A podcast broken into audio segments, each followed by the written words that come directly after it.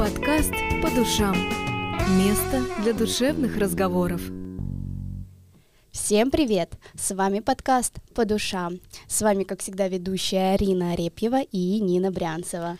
И мы продолжаем серию подкастов с Оксаной Меркуловой, которая прошла через онкологию, смогла ее победить и теперь делится своим опытом с нами. А сегодня мы поговорим о том, что, казалось бы, никак не связано с этим страшным диагнозом, о красоте. И поможет нам в этом фотограф Любовь Леванди. Всем привет! Всем привет. Да, э, мы должны Оксану в первую очередь сейчас поздравить. Для нее случился новый этап в жизни. Произошла та операция, которую Оксана так долго ждала. Это буквально буквально вот на днях, да, да ты вернулась. Да, э, расскажи, как ты себя чувствуешь, расскажи, как все прошло. Поделись э, с нашими слушателями своими впечатлениями. Еще раз всем привет. Ну, раз мы начинаем с такой классной новости, для меня действительно это определенный этап жизни, потому что, столкнувшись с диагнозом и особенно с последствиями, стало ясно, что жизнь всегда разделяется на до и после. Да? Сложно было принять то, что тело уже никогда не будет прежним, что есть определенные моменты, которые связаны с лимфатической системой в человеческом теле. Вот. И в основном все пациенты, прошедшие это лечение, до конца жизни уже меняют свой образ жизни и привязаны, например, к трикотажу, да, который носится практически каждый день, да, не снимая до конца жизни. Плюс болезнь, с которой я столкнулась, это лимфостаз, он практически не лечится, он прогрессирует дальше. Да, есть э, клиники, которые находят э, хирургический способ лечения, и вот как раз в такую клинику я и попала. Я следила за этой клиникой, за результатами пациентов в течение года, с самого момента операции, когда уже было понятно, что я в зоне риска, и вот 16 июня я попала все-таки, это клиника в Москве находится, доктор Ивашков, и отлично прошла операция, причем очень интересно, и все удивляются, когда я про нее рассказываю. Операция небольшая, но с большими последствиями, хорошими. И это делается под местной анестезией. То есть я видела весь процесс.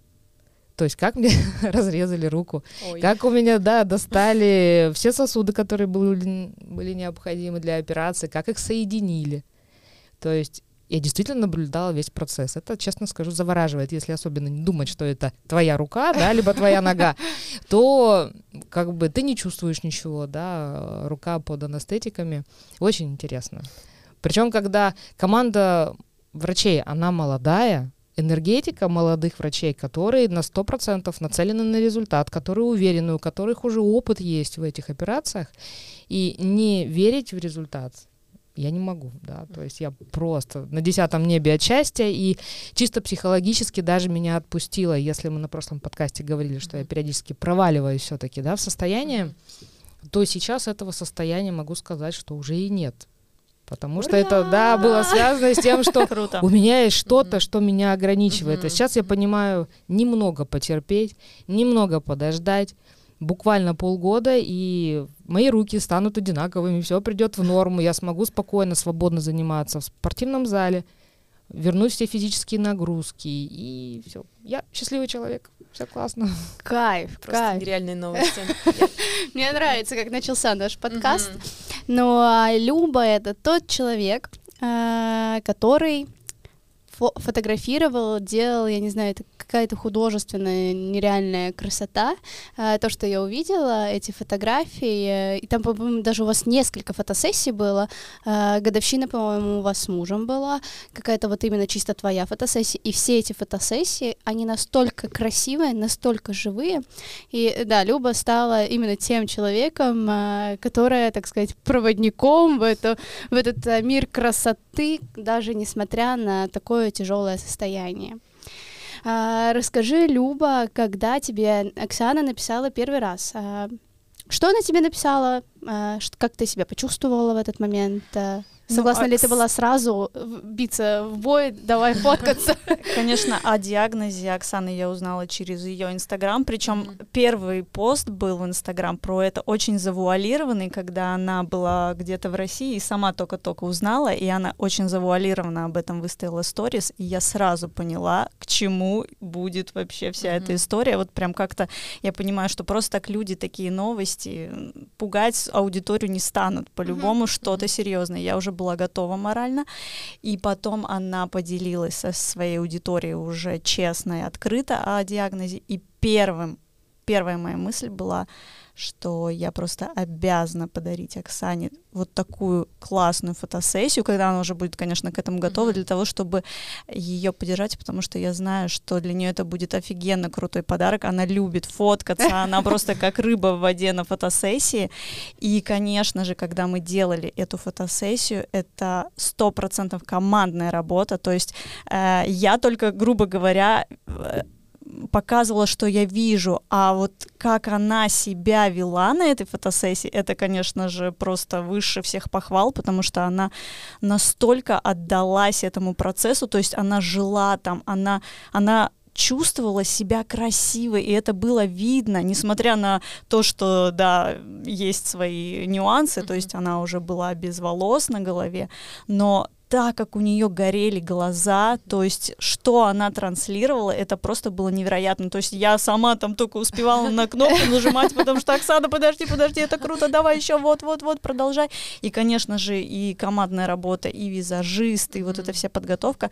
Но, конечно, Оксана это номер один в кадре, человек, который сделал эти кла- классные, красивые, яркие э, кадры. То есть, ну, я только вот человек, который это передал вот mm-hmm. на ваш наши мониторы. То есть, конечно же, очень много зависит от модели. Очень много. То есть фотограф, да, он может раскрепостить, он может сделать многое, но потушие глаза, ну, как мы можем их зажечь? Вот, то есть в ней в самой был вот этот огонь, то есть я поби побежу, побежу, побежу, побежу. я справлюсь с этой проблемой. Я вот она когда, кстати, ко мне приходила, я говорю, Оксан, как ты так? В, смысле, ну, в смысле, Оксан, как ты вообще, как ты себя чувствуешь? И она мне отвечала, в смысле? Я лучше всех себя чувствую. Все круто, все классно, вообще ни шагу назад. То есть у нее такая уверенность была, что я себя даже чувствовала совершенно, да, обычно здоровый человек, как-то, блин, что это мы там жалуемся на жару, там, да, еще на что-то. Ё-моё, вот возьмите пример. То есть она так вдохновляла меня вот на всем этом своем пути. Я просто смотрела на нее, думаю, Оксана, ты ни разу ни разу не было такого, чтобы ты пожаловалась, поныла, что-то там выставила, какое-то все, девочки, я там больше не могу, или еще что-то. Никогда такого не было. То есть, э, когда она шла ко мне на фотосессию, у меня не было чувства, что ко мне идет какой-то особенный человек на фотосессию. Mm-hmm. Это шел человек вот просто звезда. Просто звезда, у которой сегодня такой образ. Сегодня я вот с лысой головой. Я так решила. Я так захотела. Да, то есть она полностью рулила этой ситуацией. Мне кажется, болезнь просто, а, у вас тут так? Ну ладно, мы тогда пойдем. Походу не срастается она с вами. То есть, да, Оксана просто боец, и вот честно, я даже вот вспоминаю свои мысли, у меня вообще не было чувства, что с Оксаной что-то происходит. Mm-hmm. Ну, можно было бы, конечно, приглядеться, ну да, бледненькая, что-то что не выспалась, что ли. Ну, никогда не скажешь, что у человека серьезные проблемы со здоровьем. То есть она огонь, просто вот девочка огонь, и мне кажется, что она столько людей вдохновила. Мы сняли очень классное видео, где она была лысая, да, и мы лили на нее фиолетовую краску да, да, да, с блестками. Да, да, да. И я еще вот такую надпись написала Never Give Up. И Оксана потом выставляла скрины, где девочки писали, что да, я тоже через это проходила, вы так вдохновили меня, блин, спасибо, что вы об этом говорите. И там прям видно было, что люди не ожидали, а что так можно? А mm-hmm. мы болеем, мы дома сидим, мы никому ничего не показываем, не рассказываем. Там моя мама даже не знает, что сам... А ты тут так решилась на весь Инстаграм, на огромную аудиторию это все сказать. И это, конечно, была бомба. Люди просто писали, лайкали, там директ. У меня директ взрывался просто. Не знаю, что там у Оксаны происходило. Мало того, что это смело, это было красиво, очень интимно, я бы даже сказала. И это, конечно, было вообще просто ну, опять же, то, как она позировала, то, как она это передавала, то есть она не сидела там, да, вот такая вот вся зажатая как-то, она про, а, у нее прям вот вот куча энергии шло, это какая-то сексуальность пошла, глаза такие томные, то есть вау, Просто вау. Ну, звезда, звезда. Ой, Оксана, Ой, расскажи теперь... захвалили. Да, расскажи теперь ты о своих чувствах в тот момент, потому что мы сейчас увидели картинку со стороны, а теперь вот на самом деле что происходило, так ли ты себя чувствовала и как ты так смогла? Ну, начнем с того, что с Любой мы уже 4 года делаем фотосессии. По-моему, первая фотосессия была в 19 или 18 году, так как я уже вышла далеко за рамки просто мастера маникюра и просто даже преподавателя. У меня в свое время была конкурсная команда, причем я думаю, что я скоро вернусь к этому моменту. И мы создавали с девочками образы, да, мало того, что мы делаем ногти, ногти мы создаем образы, да, и все началось с этих образов на самом деле.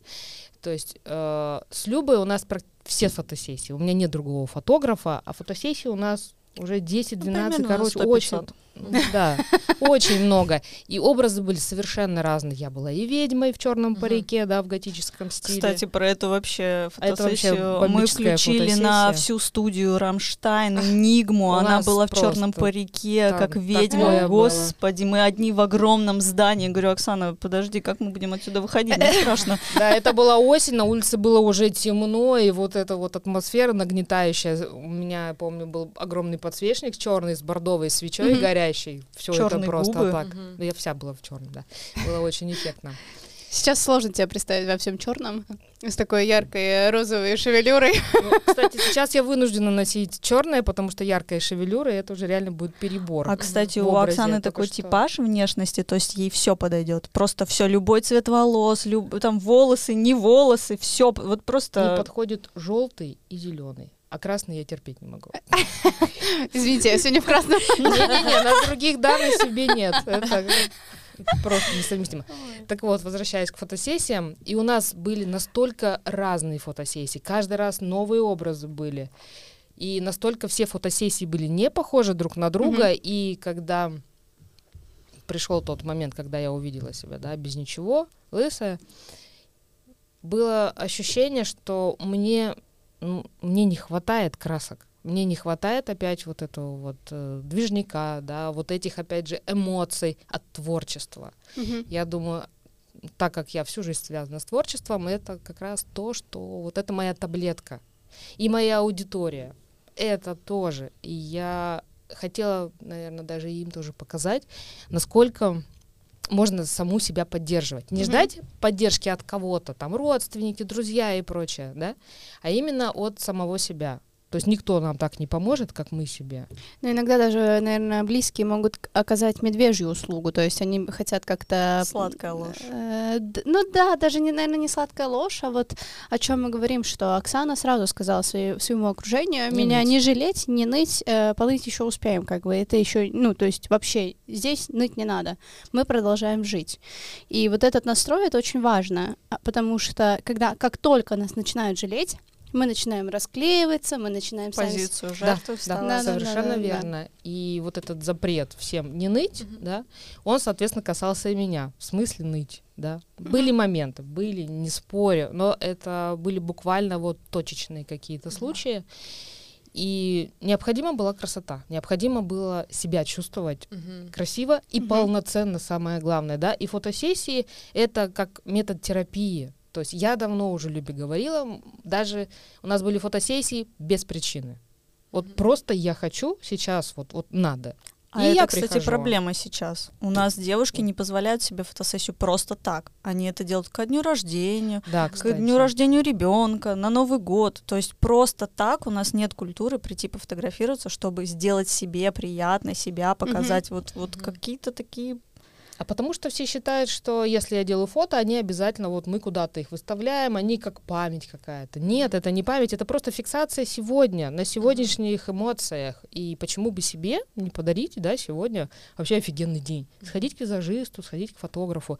Кто-то, я думаю, съезжает на то, что это финансы, типа Ну да. в трубу. Мгм. Нифига, это, это не в трубу, это настолько как бы, ну, для самоутверждения, для самооценки. Но это даже если нет финансов, там, сходить э, к визажисту, да, позволить Можно себе рас- э, роскошную, да, то фотосессию от профессионального фотографа, всегда у нас сейчас есть телефоны.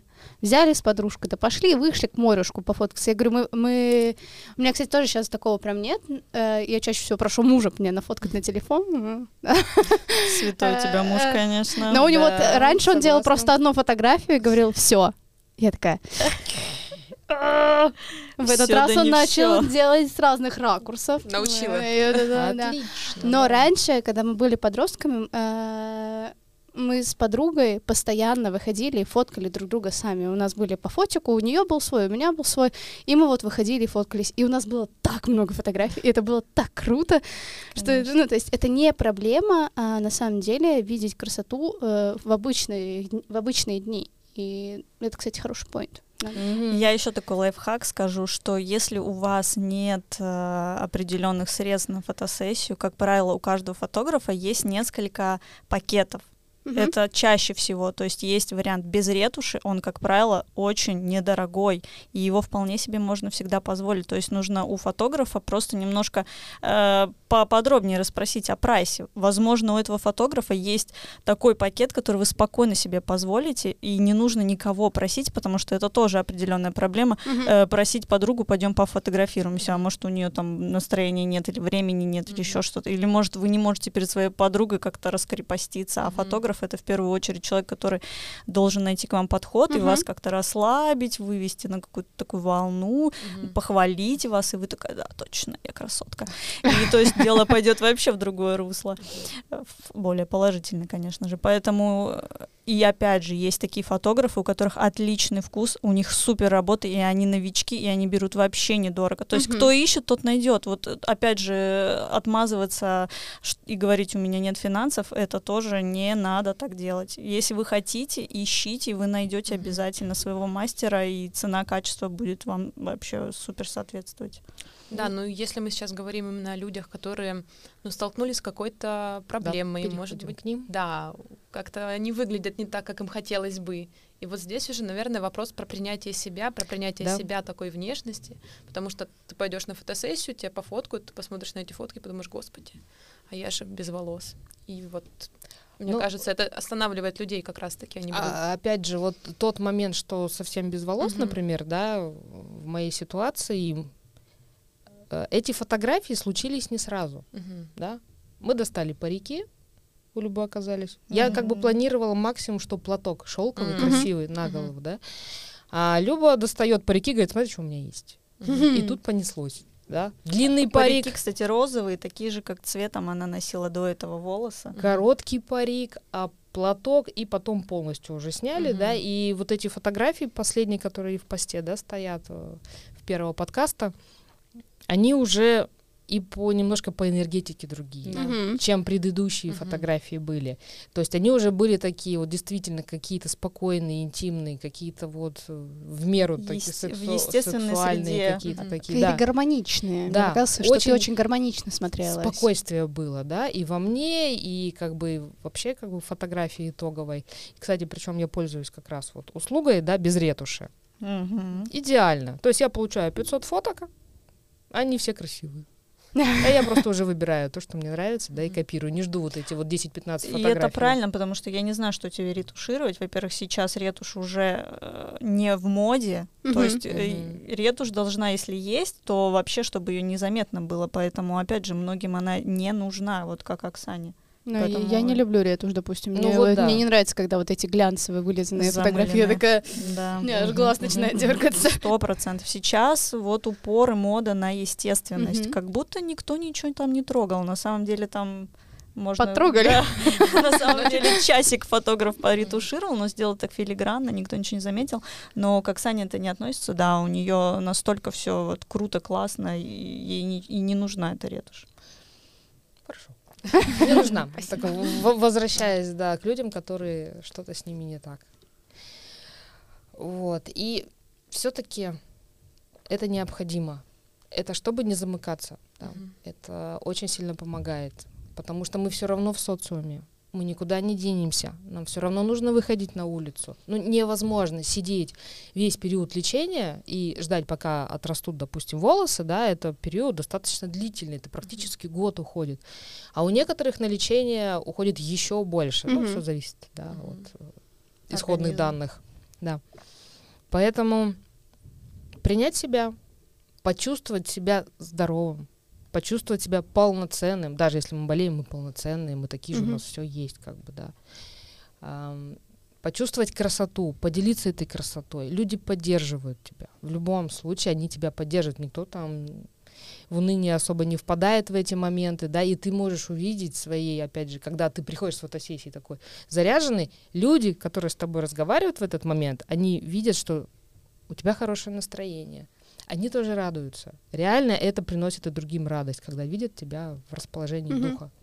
А вот я еще хотела добавить насчет того, что Оксана всегда сама рулила этой ситуацией. Она же сама побрилась. Она не ждала, пока у нее что-то там повыпадает. Она пришла я, к парикмахеру и говорит, все, сегодня мы стрижемся. То есть у нее были волосы на голове, но она рулила сама, и она сама сделала себе новую это прическу. Это когда ты ходила с подружками? Да, сначала мы с подружками укоротили мне волосы, потом после второй химиотерапии они, да, начали выпадать, но я могла еще прожить с ними там какой-то период времени. Но меня стало это раздражать, честно. Mm-hmm. Да, утром просыпаешься, ну, волосы. Mm-hmm. Там чуть махнул, все, полетело. Все, побрили коротко. В итоге я приезжаю домой, трогаю голову, и я понимаю, что у меня вот эта вот фактура, да, mm-hmm. некомфортно. Ежика. Вот да. этого ежика просто раздражающая. Mm-hmm. И я понимаю, что я не могу одеть шапку, а это было как раз еще февраль месяц был. Mm-hmm. Невозможно надеть шапку, невозможно то, невозможно еще. И все, я звоню подруге, я говорю, девочки, помогите. Ну, мы приезжаем к Ире, к, мам, а, к маме Иры, да. К и... свекрови моей. Да-да-да, к вашей свекрови, и она меня под ноль. Чух. Я такая опять. Приезжаю домой, Альфред, я говорю, а что это вот так вот и будет колоться? А там миллиметр оставлен. Он такой, ну хочешь совсем? Я говорю, давай. И он меня вообще так, чтобы глянцевая голова была. Своей бритвой. Вау. И вот да, тогда вот шутка про гоблина и появилась. Один раз в день, мы помним. Тяжело? Ну, состояние, да, тяжелое. Кстати, у меня в тот день я еще и в Эмо поехала. После фотосессии. Угу. Никто особо не знает, не но знала. в час ночи я там мужа вытащила из кровати, мы поехали в Эмо, потому что начались проблемы. А, появился, как его, сейчас скажу, тромбы образовались в ой, руке, ой, ой. воспалилась рука, и даже я, я знаю, куда смотреть на фотографии, и я вижу эту воспаленную руку, мне было как бы некомфортно, но я не понимала, что происходит. И когда уже вечером, вроде как все хорошо, настроение отлично, я уже успокоилась, и я понимаю, она меня беспокоит. Мне пришлось, да, мужа в охапку и ехать э, в Эмо. Да, поставили, к сожалению, тромбофлебит, э, вена испортилась, полностью сломалась. Но ничего, все выжили, все отлично. Ну вот опять же, она никогда ничего подобного не рассказывала. Я сейчас это слушаю, думаю. Я тебе на фотографии потом покажу. Ну я думаю, что да, ты, наверное, говоришь про вот эти предплечья, которые и так у нас, когда мы прижимаем, они больше кажутся, чем они есть. Я всем всегда моделям говорю, так, ручки не прижимаем, пусть они у нас будут на весу такие, у нас все круто. Поэтому да, я, наверное, думаю, что не заметит никто. Так что молодые девочки, кто, к сожалению, столкнулся с таким диагнозом, все-таки любите себя. Находите красоту каждый день. И мужчины Это тоже. Надо. И, и мужчины, мужчины да. тоже. Причем у нас работает, я точно знаю, в Таллине есть перманентный мастер, мастер перманент, прошу прощения, который работает с аллопецией, да, с потерей волос. Mm-hmm. У кого полностью, кто, либо кто-то проходит период лечения, она делает, по-моему, даже бесплатно, либо какую-то символическую стоимость и межрес... межресничку делает, и брови делает, она все делает. Mm-hmm. То есть То можно, можно найти, mm-hmm. не надо замыкаться, вы только лучше себе сделаете и проще переживете это время. Ну, знаешь, как говорят, а, часто задаются вопрос, когда сталкиваются в целом с любой тяжелой ситуацией, не только э, с диагнозом, задаются себе вопросом, а за что? За что мне этот путь? Мне кажется, тут вот а, именно вот я уверена про тебя, что это не за что, а для чего? Для того, чтобы ты вот эту вот мысль в целом, всю эту красоту могла э, п- принести в массы, и чтобы люди, которые столкнулись э, с, с онкологией, э, знали, что жизнь, она есть, И она не заканчивается. она не И заканчивается. даже на паузе не стоит. Она идет, идет, идет, да. Ну и не только с онкологией. Дело в том, что я думаю, что много других диагнозов Да. есть, при которых не стоит замыкаться, стоит Абсолютно. Ни с каким. Даже Мгм. если, ну, возможно, это уже сложность, когда ты лежачий, да, допустим, больной, и все равно доступ в интернет есть, да. Люди, которые тебя любят, которые рядом, друзья, они, как правило, остаются, да.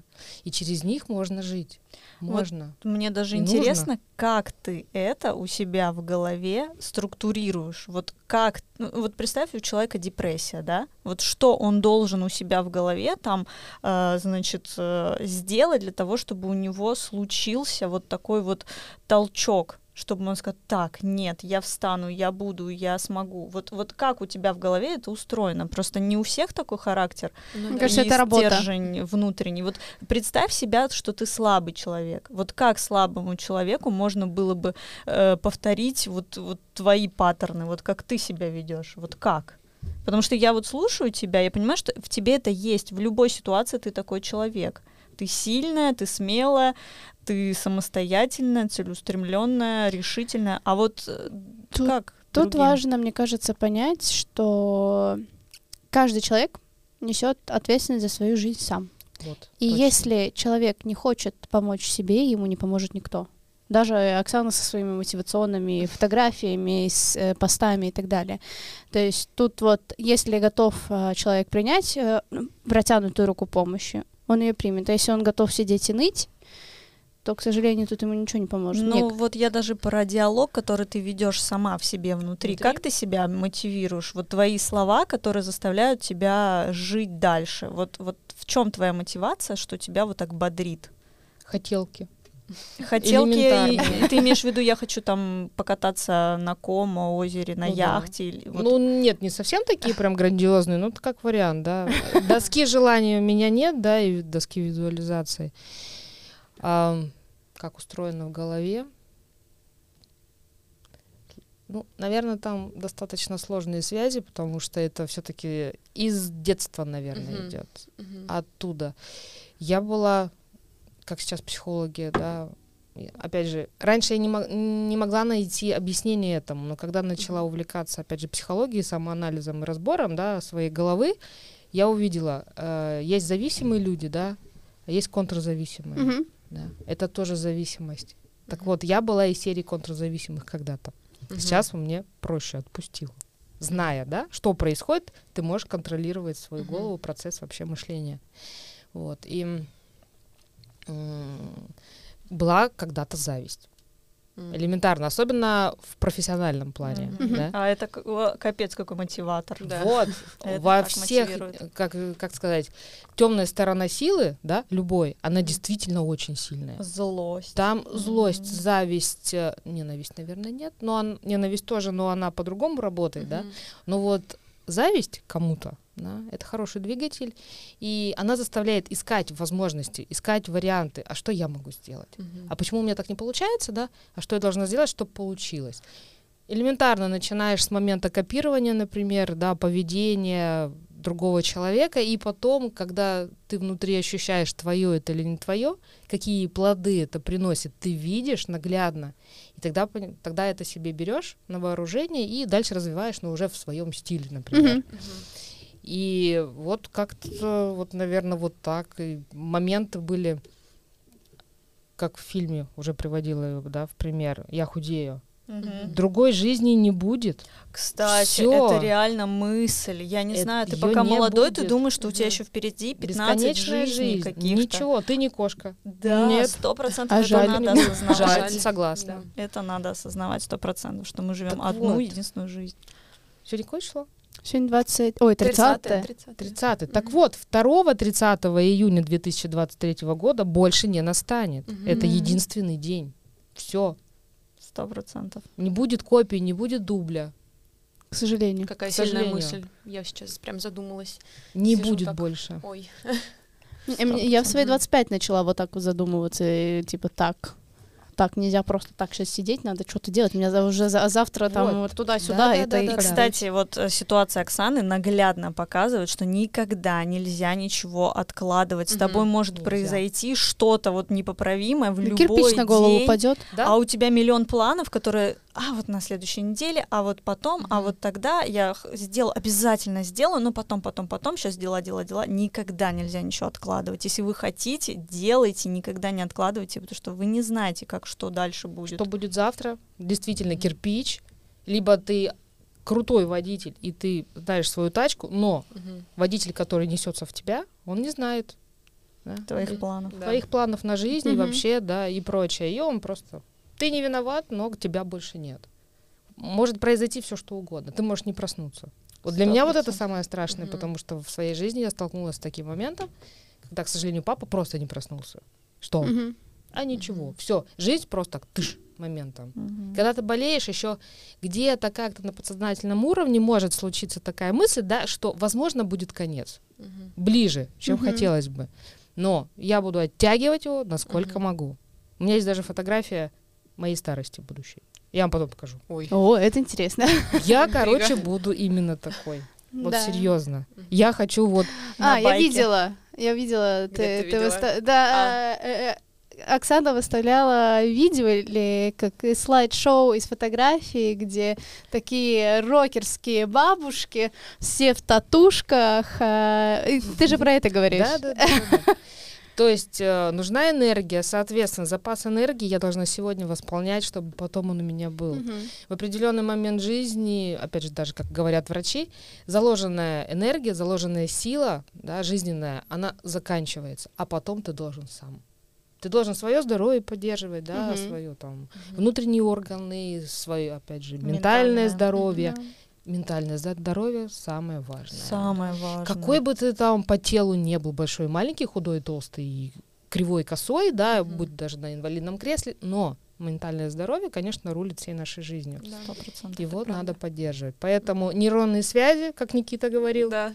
надо строить. Да, и у него, кстати, эксперимент был. Я что-то слежу за сторис и жду, когда же он научится играть на пианино. Он как-то об этом упоминал, да, что будет выращивать новые нейронные связи. Да, да. Поэтому так и строим, да. Но, новые действительно связи в Ну, голове. еще нужно себя беречь. Естественно. То есть Мгм. как-то выбирать, с кем мы общаемся. То есть если у вас есть какие-то абьюзивные отношения, как можно быстрее из них О, выходить, это- это не сложность. смотреть всякую Да-да-да. дрянь Это в интернете. Но это про любовь к себе больше, Да, наверное. да. Про бережное отношение к себе, к своим мыслям, чувствам.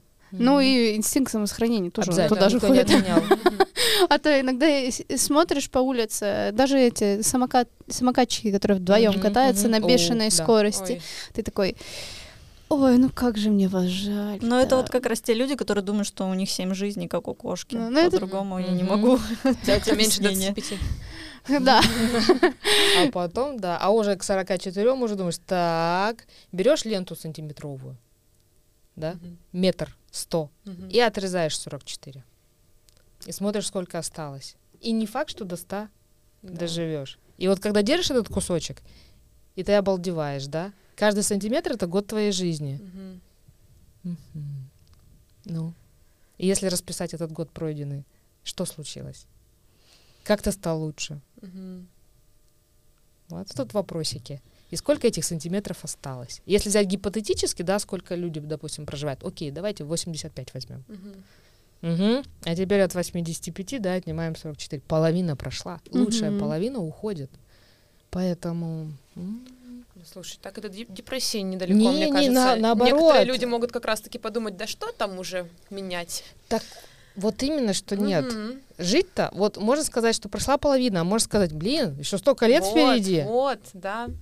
Надо Что я еще могу успеть за эти годы? Можно успеть, можно поменять профессию. Неважно. Я, я, конечно, не знаю, что будет через 10 лет, да, но с пилкой я себя еще вижу. Мгм. Мы как-то с девчонками, коллегами задавались таким вопросом, а мы видим себя, допустим, в 45, в 50 п- с пилочкой в руках, да, ты мастер маникюра. Я так прикинула, а чего бы нет? Ну да. У меня будут почему такие же, нет? как бы, эти клиенты моего возраста, например. Бабушки тоже хотят. Самой старшей а, клиентке моей, по-моему, где-то в районе 60 5-8, как-то так. Вот в этом промежутке она. Молодуха еще. Боевая женщина. Вообще просто. Не, ну, Супер. ш- Поэтому- мы будем в 65 лет совсем не такие, как наши Да, А бабушки, абсолютно, да, это бабушки. Абсолютно. Но другие. позаботиться надо сейчас, чтобы мы не были такими, как они. Да, потому что они тогда не заботились, у них не было Абсолютно. такой потребности заботиться о себе. Они думали о том, как вообще выжить. Выжить. Выжить. То есть да, там у вопрос был- выживания. у да, нас не стоит такой. этого вопроса э, выживания. Я надеюсь, он у нас не встанет в ближайшее время. И как бы у нас есть сейчас возможность заботиться о себе, заботиться о своих близких э, и жить эту жизнь на полную катушку, получать новые какие-то впечат- Качественно жить. Качественно, да. жить, Потому что есть качественные продукты, да, как бы, которые мы можем потреблять, есть качественные развлечения, которые мы можем использовать. И видеть красоту. Это как сейчас тренд тоже э, в Инстаграме, чтобы жизнь была замечательной, Да, ее согласна. нужно замечать. Сто процентов. А чтобы было время замечать эту замечательную жизнь, нужно делать хотя бы раз в год чекап своего организма. Согласна. Чтобы быть как бы вооруженным, да, окей. и уверенным. Мгм. Не прокатывает та история, что если я об этом не думаю, меня это не коснется. Типа своими мыслями я притягиваю что-то, да, в свою жизнь. Нифига. Это потом свои мысли будут так работать, что ух.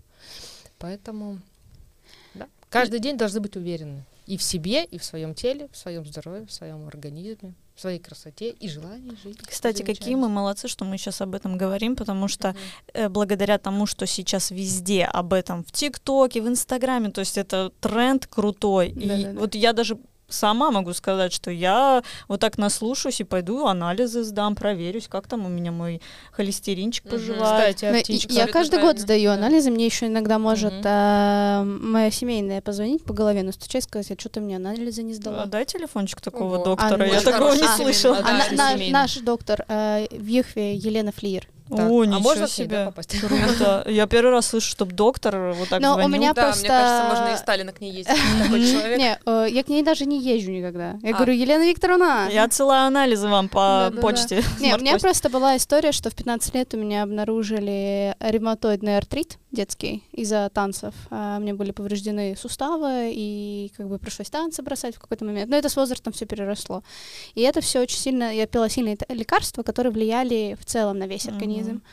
Вот, а, и поэтому вот с этого момента я все время отслеживаю, как бы Ну, к таблетки. тебе просто внимательное отношение. Да, то есть я как бы уже таблетки никакие не принимаю, но все равно это все надо отслеживать. И в какой-то момент он мне по голове настучала, а что ты анализы не сдала? То есть это такая, я такая, ой, извините, я забыла. А чё, а чё? У меня все в порядке, я себя хорошо чувствую, да. А вот там то, что у тебя могут быть какие-то нюансы, которые никак не будешь же это чувствовать, тот же холестерин, да, ты его никак не почувствуешь, да. но это очень важно. Это, извините, наши сосуды. И вообще семейные врачи, они должны выписывать э, эти анализы. То есть э, если вы запрашиваете, э, если вы говорите, что я хочу проверить свое здоровье, вы не должны идти в платную клинику, отдавать Мгм. кучу денег. Ваш Сто семейный должен вам, обязан выписать эти анализы, чтобы сделать. Даже там может быть, понятное дело, на гормоны это уже отправляет там гинеколог, Мгм, э, ну, на какие-то такие специфичные анализы отправляют уже другие специалисты. Но общий чекап Конечно, общий анализ крови. Мгм. ваш семейный врач, он должен вам выписывать, если вы приходите к нему с таким запросом. Не может наш семейный врач отказывать нам в том, чтобы проверить свое здоровье. Конечно, если вы каждый месяц будете просить, он скажет, Ну, ты нет, как бы... конечно. Вам уже немножко в другое отделение, нужно выше у нас находится психиатрия. Да-да-да, так что такие возможности от э, государства мы должны использовать, это наш, как бы, такой, можно Наше сказать, право. и наш долг Наши перед самим и наш долг Мгм. перед самим собой, чтобы мы Мгм. должны позаботиться о своем здоровье, а не кто-то другой, потому что иначе как бы потом ты будешь пожинать свои плоды, а не кто-то другой. Мгм. Да, ребята, всем советую раз в год э, сдавать общие анализы крови. Девушки, р- сколько раз в полгода к гинекологу, раз в год к э, дантисту. Не забивайте Мгм. на себя, это очень К важно. мамологам. К мамологу. Да-да-да. С какого возраста надо ходить? Я вот не знаю. Что-то там, с- по-моему, официально к 40, 40 лет уже. Ну, можно, По идее, наверное, самостоятельно, да, а Мгм. вызывают, по-моему, чуть позже. А, да, я думала почему-то раньше. Я уже такая, так, Нет, а когда не мне раньше. записываться? Согласна. Ну, сейчас очень удобно. В городах я вижу стоят такие трейлеры Да, большие, да, куда да. можно Да-да-да. прийти, я так понимаю, без записи даже. Да. И это очень круто и удобно. И надо Поэтому- этим пользоваться. Мгм. Надо этим обязательно пользоваться. Поэтому э, не надо думать, что со мной ничего не произойдет, это где-то там, это с кем-то там, это может произойти с каждым из нас, но кто предупрежден, тот вооружен. Поэтому Согласна. Абсолютно. все звоним семейным прямо сейчас. Да, берем И наше, опять же, ментальное здоровье будет гораздо лучше. Да? Мгм. Потом не, Спокойней. не придется вылазить из этой ямы, как- в которую ты попадаешь именно в процесс лечения, Мгм. да, Мгм. когда у тебя куча возможностей себя пожалеть, поныть, да, стать абсолютно э, зависимым человеком.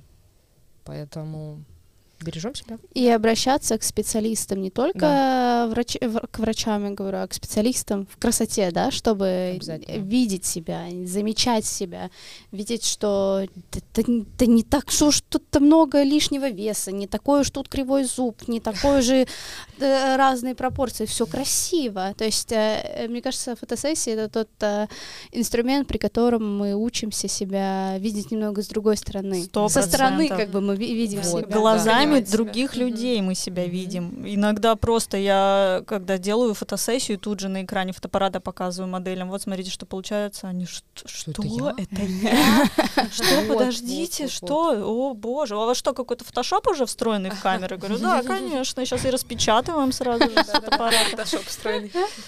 Искусственный интеллект сразу Да, да, да, да, подделывает. Ну, то есть важно, конечно же, э, как фотограф видит, но, как правило, профессионалы видят очень все красиво, и позу вам скажут, как красиво Мгм. встать, поэтому это офигенный способ поднять себе самооценку, настроение и вообще Настроение, да. вот э, как ты себя чувствуешь в этом мире, прям. А особенно, когда вы выставите эти фотографии в соцсети, и вам польются комментарии, комплименты, вы вообще вознесете и скажете, господи, что за богиня тут пропадает. А я-то и не знала. Да, да, Ага, да. И вот эта маленькая богиня, да, в тебе начинает расти, расти. Самое главное ее выращивать впоследствии, да. Не просто вот этот день был шикарный, неделю ты лайков, комментариев, да, вот сливки слил и все, а потом опять стало унылым Мгм. говном.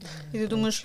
После фотосессии так, а что это я буду опять какие-то джинсы надевать, а я хочу как-то вчера какое-нибудь Да. платье Да, да, переодеть. да, и да, что это я дома сижу, а пойду-ка я в ресторанчик схожу погуляю, себя покажу на других, посмотрю. Ну, то есть, как бы это прям вот такой вот это, это толчок. психотерапия. Пошла, пошла, Реально пошла. психотерапия, самая настоящая, которую ты делаешь своими руками. Мгм. И это надо. Это важно. Согласна. Слушайте, мне очень фраза понравилась. Психотерапия, которую ты делаешь своими руками. Прям, мне кажется, наш подкаст... Да. А, спасибо вам, девчонки, что вы пришли сегодня к нам. Э, Спасибо, что позвали. Подкаст просто, мне кажется, заряженный позитивной энергией. Я прям кайфанула. Спасибо. Спасибо нашим слушателям, что были с нами. Надеемся, вы усвоили для себя что-то полезного. Ну, а с вами, как всегда, был подкаст «По душам». С вами были, как всегда, ведущие Арина Арепьева и Нина Брянцева, а в гостях у нас была Оксана Меркулова и Люба Леванди. Всем спасибо. Пока. Пока. Пока. Пока. Подкаст «По душам». Место для душевных разговоров.